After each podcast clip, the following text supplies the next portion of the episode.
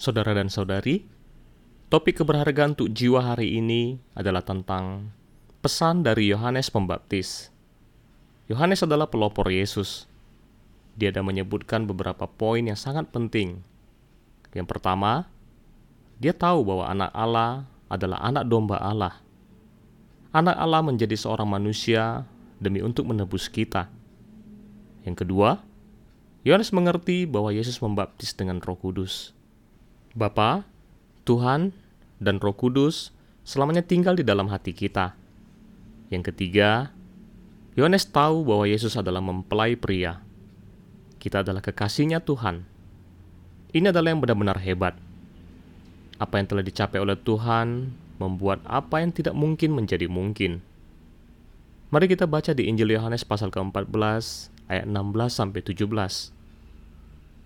Aku akan minta kepada Bapa dan ia akan memberikan kepadamu seorang penolong yang lain, supaya ia menyertai kamu selama-lamanya, yaitu roh kebenaran.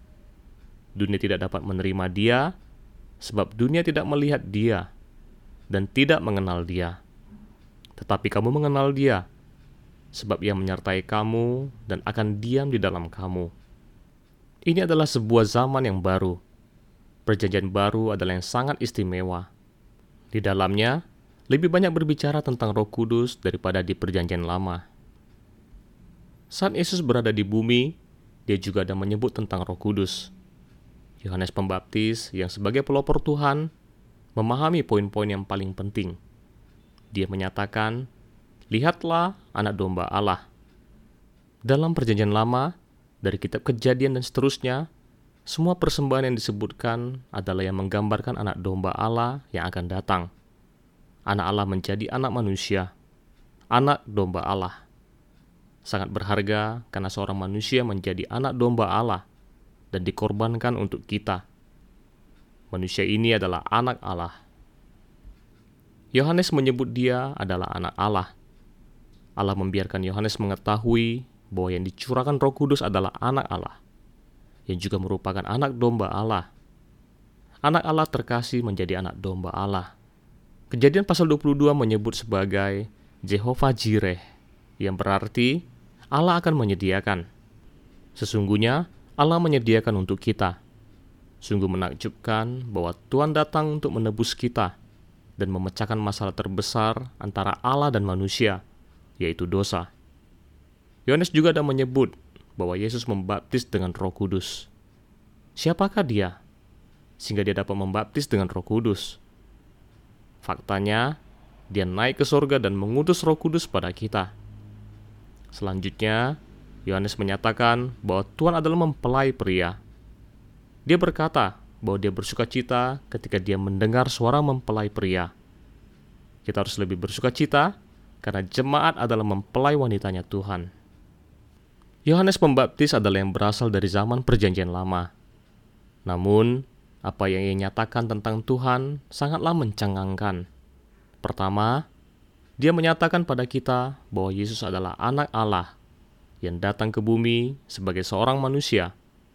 Ini merupakan berita yang hebat dan sebuah misteri yang besar.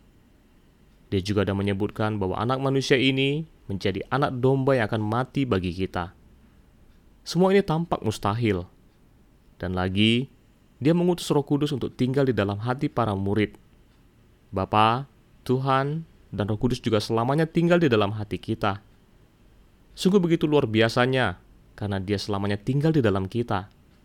Dia tidak hanya hadir bersama kita, namun Dia juga menjadi mempelai pria kita.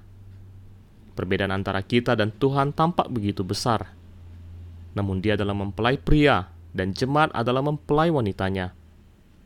Kita adalah kekasihnya. Kidung Agung yang dalam Alkitab secara ringkas mengungkapkan hubungan kita dengan Tuhan. Kini, setelah kita mengetahui semua kebenaran ini, mungkin kita menganggapnya tidak mengherankan.